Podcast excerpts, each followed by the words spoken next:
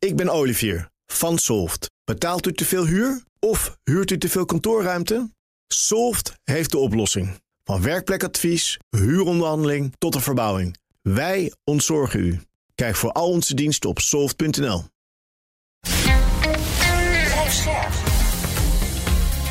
BNR Nieuwsradio. Boekenstein en de Wijk. Hugo Reitsma. Dit is een extra uitzending van Boekenstein en de Wijk in verband met de oorlog in Oekraïne en de crisis met Rusland. Het is donderdag, dag 295 van de invasie. En wij hadden van luisteraar Eduard Slootweg, vond ik een stimulerende gedachte. Hij zegt: Jullie beschrijven Poetin en de mensen om hem heen alsof ze allemaal van elkaar afhankelijk zijn. Als Poetin valt, dan valt iedereen om hem heen ook. Niemand kan ontsnappen. Dat deed hem denken aan de film The Godfather. Als Poetin een maffiastructuur 2.0 heeft geschapen, namelijk eh, op staatsniveau, moet die dan ook niet worden bestreden als de maffia. Ik ga er wellicht uh, te ver, zegt hij, om de oorlog met Oekraïne te vergelijken met een bendeoorlog. Maar je zou kunnen zeggen dat de Oekraïnse familia probeert te ontsnappen aan de Poetin-familia. En dat stond Poetin niet toe. Ga dus te leer bij Italië. Kijk hoe de maffia eronder probeert te krijgen. En doe hetzelfde met Poetin. Wellicht werkt dat beter dan klassieke oorlog, al of niet economisch. Nou, Arjan, dat is een hele creatieve vraag van Eduard Slootweg. Hè? Ik vind het echt heel, uh, heel interessant.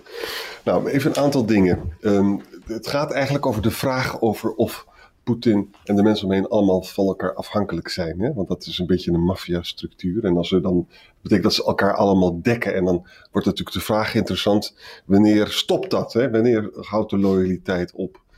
Nou, ik denk dat het belangrijk is om uh, op te merken dat Poetin zelf heeft dus het aantal mensen dat hij dus betrekt bij de besluitvorming enorm verminderd de laatste jaren. Hè. Dat, hm. is, dat maakt het dus, uh, ja, hij heeft het heel erg gecentraliseerd. Dat betekent dat hij dus de zaak nog beter onder controle heeft, maar ook dat hij uh, mede schuldig is als er verkeerde besluiten worden genomen. Dat mes snijdt dus aan twee uh, kanten.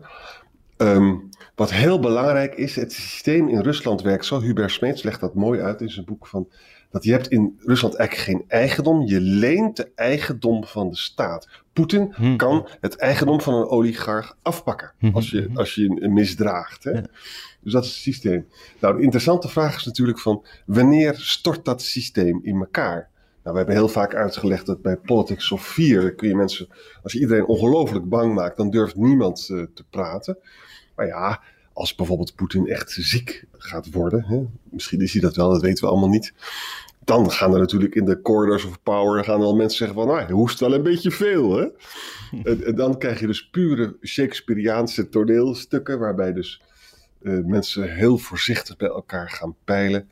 Van als, als we een poging zouden doen om de macht te grijpen, steun je dan, weet je wel, maar dan allemaal hele bedekte termen. En dat lijkt natuurlijk wel een beetje op de film The, The Godfather.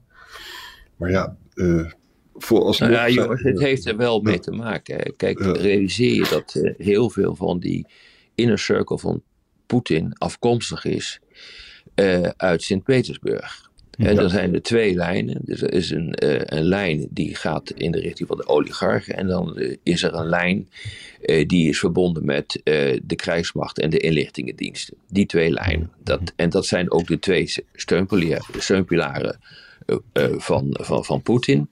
En we weten ook heel goed zo langzamerhand wie daar allemaal in zitten. Bijvoorbeeld, ik neem iemand als Igor Session.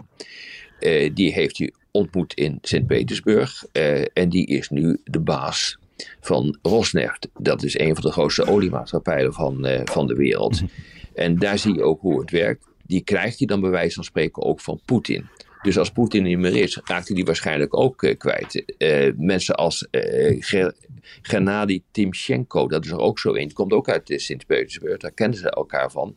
Gunvor leidt die, is een van de grootste energiemaatschappijen in, in de wereld. Medvedev, dat is dan niet de militaire lijn, maar die komt ook uit Sint-Petersburg. Uh, die is president geweest, premier geweest, werkt hij ook al heel erg lang mee samen. Nou, ga zo maar door. dus die mensen kunnen, kennen elkaar al jaren, al mhm. decennia lang. En die houden elkaar, denk ik, vast tot het bittere eind. Want als er eentje valt, en zeker als Poetin valt, dan is het maar zeer de vraag in hoeverre dat bouwwerk overeind uh, blijft staan. volgens mij leer je uit de maffiabestrijding dat de capo aanpakken, dat, dat dat eigenlijk niet werkt. Want dan is er altijd wel weer een nieuwe capo. Ja, dat klopt. Dat gaat hier dus ook gebeuren. Vandaar dus dat er een hele grote discussie is over de vraag wie zou deze man dan kunnen gaan opvolgen. nou ja, dan zijn er natuurlijk, en er wordt de naam van Shokoi genoemd, maar ja, de vraag is nog of die in, in de gratie is. er zijn zoveel namen die worden genoemd, maar ja, dat, dat hele kleptocratische bouwwerk, dat moet op een of andere manier wel in stand houden. Want als je dat niet in stand houdt, dan ben je niet alleen je bedrijf uh, uh, kwijt, maar dan ben je mogelijkwijs ook het nieuw gebouwde paleis kwijt. Wat je hebt kunnen uh, kunnen, kunnen uh, neerzetten van alle verdiensten die je hebt dankzij uh, Poetin. Ja, en, en, dan kijk je dus wat er in de jaren negentig is gebeurd met de oligarchen onder Yeltsin. Nou, de meeste die zijn allemaal van het toneel verdwenen toen Yeltsin ook van het toneel verdween. Mm. En die zijn een kopje kleiner gemaakt of uit het raam gegooid of wat dan ook. Of ze zijn onteigend, zoals Gordakowski. door, door Poetin. dus ehm, Nee, dat zijn echt bouwwerken die, uh, die houden elkaar goed uh, bezig hoor. Maar kan je dan niet juist Poetin raken door het via die oligarchen te doen? Hè? Die, die krijgen wat toegestopt van Poetin. Als je dat op een of andere manier onmogelijk maakt, maffia pak je toch juist aan via de financiën? Zo deed ja, het met Al Capone. Het, ja, dat klopt. Maar het hele punt is, dat moet je wel doen uh, via de rechtsstaat in Rusland die er gewoon niet is. Hm. dus dat moet je van binnenuit doen. Dat kun je niet doen door een paar sancties. Want al die mensen die ik net heb genoemd, die staan op de sanctielijst, ja. vooral voor de Amerikanen van de Europese Unie. Maar weet je, kijk, dan heb je geen eh, 5 miljard meer op de bank staan, maar 4 miljard. Zo wat. Ik bedoel, volgens mij komen jij en ik best wel rond hoor, van 4 miljard uh, dollar of euro of wat dan ook. Dus dat, gaat, dat gaat het ook niet worden. En bovendien weten we ook dat uh, die, uh, uh, een aantal van die oligarchen en van die handlangers van Poetin ook gewoon schaamloos worden gesteld. Ja, het interessante is, weet je, die, die relatie met Poetin en de oligarchen is heel complex eigenlijk. Hè? Want hij, heel vaak scheldt hij, jullie zitten gewoon al, al, al je geld op te maken in met dure Londense huizen, weet ik allemaal wel niet. Hè? Blijf toch hier in Rusland. En, je hebt natuurlijk de oligarchen waar hij dus echt heel erg ruzie heeft, die hij gevangenis heeft gezet en nu gevlucht zijn en overal hun mond open doen, zoals uh. Maar ja, het is inderdaad zo dat er zijn ook die Abrahamovic bijvoorbeeld, hè, die probeert dan bemiddelen, weet je nog, tijdens de oorlog, omdat hij namelijk kennelijk toch uh, banden met Rusland wil handhaven. Ja, nou ja, maar soms zijn dus die, uh, die relaties heel erg innig. Ik noemde net die uh, meneer Timchenko van Gunvor. Uh, van Gunvor wordt verwacht dat Poetin daar zijn belangen in belangrijke mate in heeft zitten. Of dat allemaal zo is, dat, uh, uh, dat weten we niet 100% zeker. Maar die aanwijzingen die zijn wel vrij sterk. En dat loopt dan via Genève, waar een hoofdkwartier zit van, van Gunvor.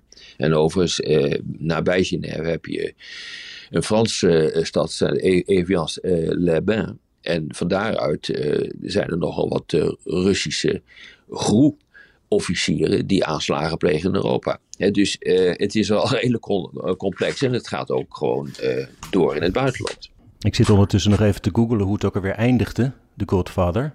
Dat is dat Marlon Brando, die krijgt een hartaanval. Dat is dus Don Vito Corleone. Maar dan komt Al Pacino, Michael. En die wordt de hand gekust, ritueel en uh, zelf aangesproken met Don Corleone. Ja, dus zeker. Een hartaanval nee, voor Poetin zou een goede oplossing zijn, maar dan komt ja. er altijd weer een nieuwe. Nou ja, je ziet de de-oligarchisering, of hoe je het ook al zou willen noemen, zie je nu voor je ogen voltrekken in, eh, in Oekraïne.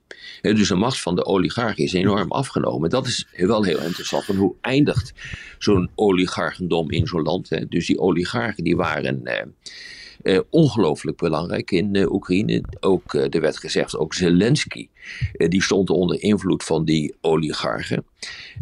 en die was de die was de handlanger van Kolomoisky. Uh, en die moest dan iedere keer zeggen: nee, nee, nee, dat ben ik niet. Hm. Maar je ziet nu wat er gebeurt. Hè? Dus de rijkdommen van die oligarchen in Oekraïne. Uh, die zaten bijvoorbeeld in grondstoffen, landbouwgronden, grote fabrieken, havens. Dat lag wel in, een rijk, in het rijkste deel vaak van Oekraïne. En laat dat nou net zeg maar de Donbass zijn en het zuidelijke gedeelte. Dus ze zijn eigenlijk hun fabrieken en hun havens zijn, ze, zijn ze kwijt. dus als je de bezittingen kwijt raakt, dan heb je dus wel echt een geweldig probleem. Alleen dat kan je niet doen. Dat kan je doen door onteigeningen. Maar dat kan dus ook kennelijk door, door, door oorlogen gebeuren. En wat je ook ziet is dat het corruptie eh, begint ook onpatriotisch te worden in, eh, in Oekraïne. Dus die oligarchen die, die er nog zijn, die gedragen zich steeds minder corrupt. Omdat je ja, je toch achter dat doel moet eh, stellen van eh, het overleven van Oekraïne als een zelfstandige staat. Maar er zijn ook oligarchen inmiddels al uh, gedood. Hè.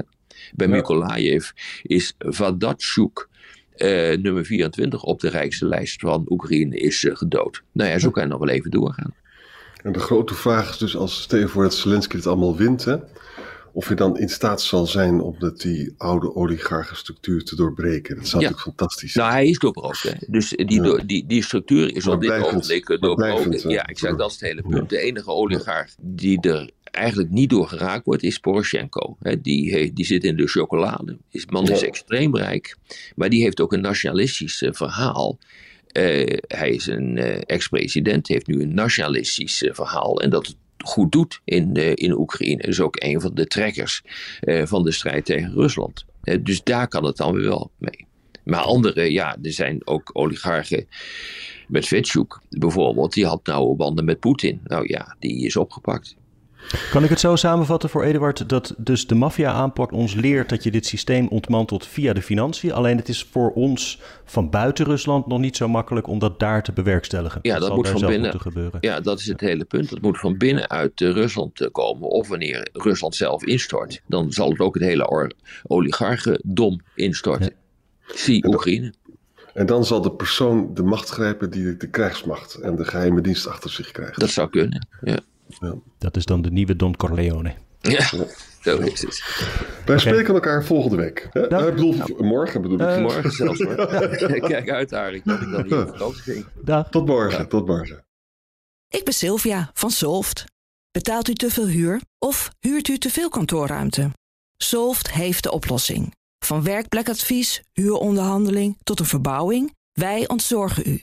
Kijk voor al onze diensten op soft.nl.